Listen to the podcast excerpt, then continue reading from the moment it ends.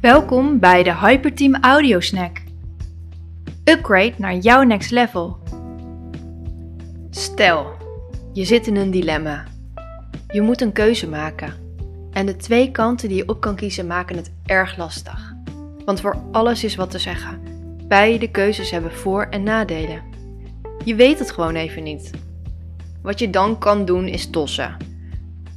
Kop is keuze A en munt is keuze B. Het moment dat je het muntje opgooit, gaat je brein een voorkeur uitspreken. Je hoopt dat één kant valt. En de zijde waarvan je hoopt dat die valt, is de keuze die je moet maken.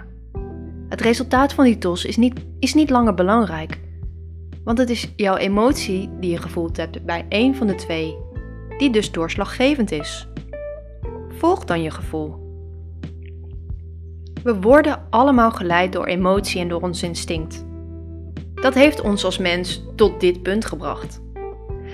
Maar we hebben in deze tijd wel een uitdaging, want ons instinct stamt nog uit, uit de oertijd.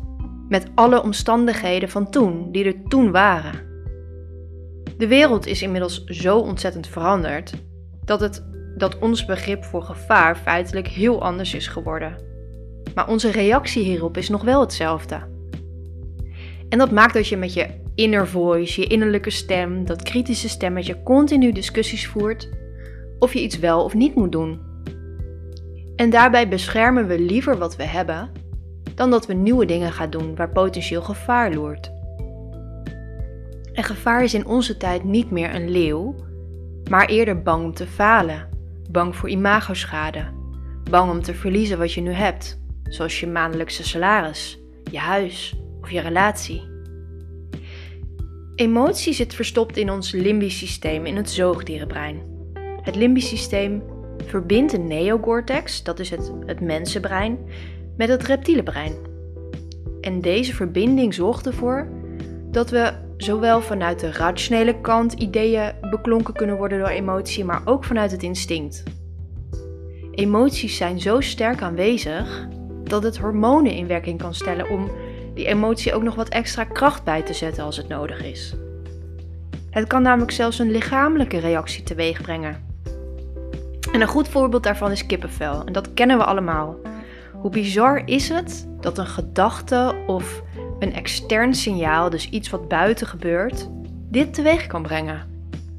Oeh, het voelt goed, zeggen we dan vaak. En dat is logisch, want je emotie heeft feitelijk het besluit genomen.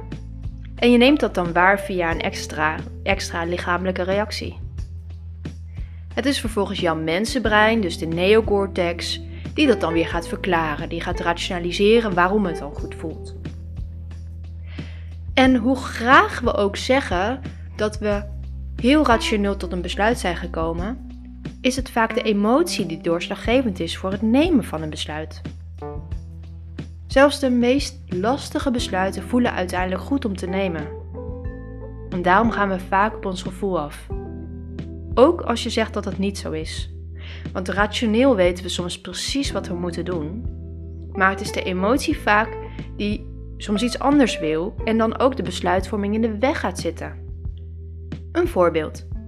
Je zit in een relatie waar je niet jezelf bent. Je bent ongelukkig en voelt je ook geregeld onveilig. En je weet dat je aan een, een eind aan die relatie moet maken, dat je er gewoon beter mee kan stoppen. Je rationele brein is eruit, maar het gaat in overleg met je zoogdierenbrein, oftewel met je emotionele deel. En dat brein hoort dat betoog aan en overlegt met het reptiele brein. Met het reptiele brein. Moet het vechten of vluchten? Overleven is namelijk het doel. En nu ontstaat er een onbekende situatie kan straks sprake zijn van eenzaamheid, je weet niet hoe je het financieel moet rooien, um, oftewel risico op gevaar. En je reptiele brein, dus je instinct, besluit om te, om te vluchten. De emotie die je voelt is angst.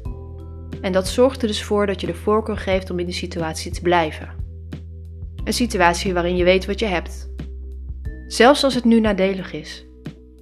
Je schat het potentiële gevaar gewoon zo hoog in dat, het, dat je het nieuwe pad als onzeker en nog enger vindt. Voordat je besluit om weg te gaan, zal je eerst die overtuiging dus moeten aanpakken. Nou, hoe komt dit nu eigenlijk? Je mensenbrein heeft de hele dag te maken met het zoogdierenbrein en het reptielenbrein. En die laatste hebben maar één doel: overleven. Het zorgt voor ons en wil voorkomen dat wij in situaties terechtkomen die potentieel gevaarlijk zijn. En nieuwe situaties worden door het brein initieel altijd als potentieel gevaarlijk beschouwd. En daarmee zal het dus emotie inzetten om je ervan te weerhouden hierop in te gaan. Deze vlucht, angst of vecht-creatie-reactie is je instinct en komt dus voort uit het reptiele brein. Het zoogdierenbrein, dus die emotionele kant, luistert nauw mee en zet in het merendeel van de tijd ook voorgeprogrammeerde emotie in. Vaak is het angst en heel soms is het motivatie. Angst voor falen, angst voor buitensluiting, angst voor schaarste, angst om dood te gaan. Het zijn allemaal voorbeelden van zaken die hevige emoties oproepen. We zetten ons brein in terwijl we nog patronen hanteren die letterlijk zijn ontstaan om te overleven in de oertijd. Dit brein is in feite gewoon nog onveranderd.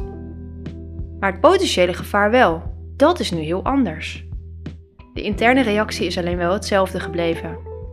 Zo beschouwt ons brein falen hetzelfde als doodgaan, hoe vreemd dat ook klinkt. Daarom zal het er ook voor zorgen dat je niet in die situatie terechtkomt. Het brein gaat weerstand bieden. Eerst door dat interne stemmetje dat jou vertelt dat je het niet moet gaan doen. Het somt de doemscenario's voor je op in de wetenschap dat dat vaak al voldoende is om jou een andere kant op te duwen. Besluit je dan toch wat verder te gaan, dan gaat de brein uh, in de overuren werken. Het zal gaan schreeuwen. En het zal je zelfs fysiek gaan aangeven dat je iets niet moet doen. Met fysieke klachten tot gevolg. Misselijkheid, overgeven, pijn, trillen, zweten, hyperventileren en soms zelfs flauwvallen.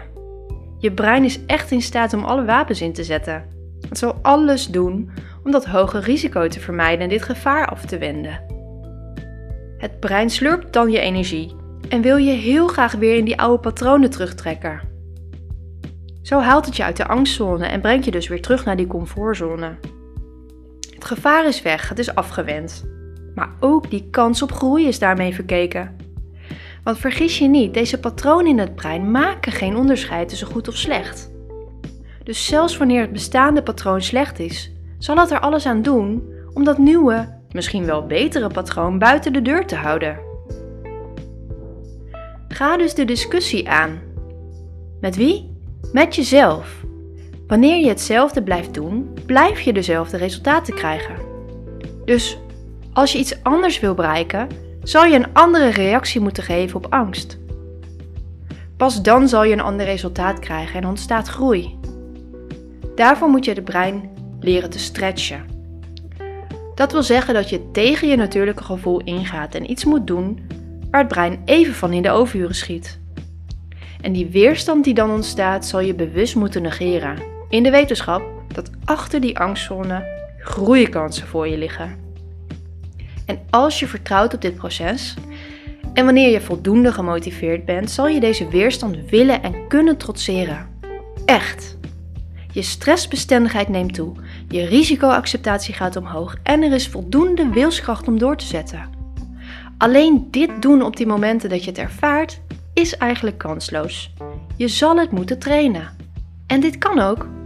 Sterker nog, door dit te trainen is succes gegarandeerd. Je moet daarvoor alleen regelmatig bewust de keuze maken om je comfortzone te verlaten. De comfortzone die je ervaart is de stretch. Door discomfort te gaan ervaren als ontwikkeling ga je anders kijken naar angst. Je gaat er zelfs een beetje van houden. Je bent dezelfde stimuli die eerst angst oproept aan het ombuigen naar creatie. Je bent nu op het pad beland van high performance. Vanaf nu is alles mogelijk en weet je dat zodra iets angst oproept, je in principe een kans krijgt om jezelf te ontwikkelen. Indien je dan niet feitelijk in levensgevaar bent, zal ik altijd zeggen, zeggen pakken die op. Want kansen die direct als kans voelen zijn eigenlijk geen echte kansen. Want pas als jouw pad angstaanjagend wordt, liggen jouw echte groeikansen in het verschiet. Dit was het weer voor nu. We hopen dat je het waardevol hebt gevonden. en dat je dat ook met ons wilt delen.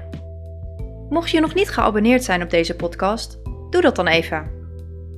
En we waarderen het ook enorm als je een review achterlaat.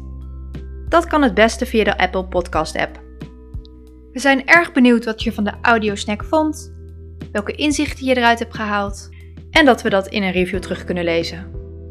En natuurlijk vinden we het ook leuk je reactie te zien via Instagram. Dit was hem weer. Tot de volgende audiosnack.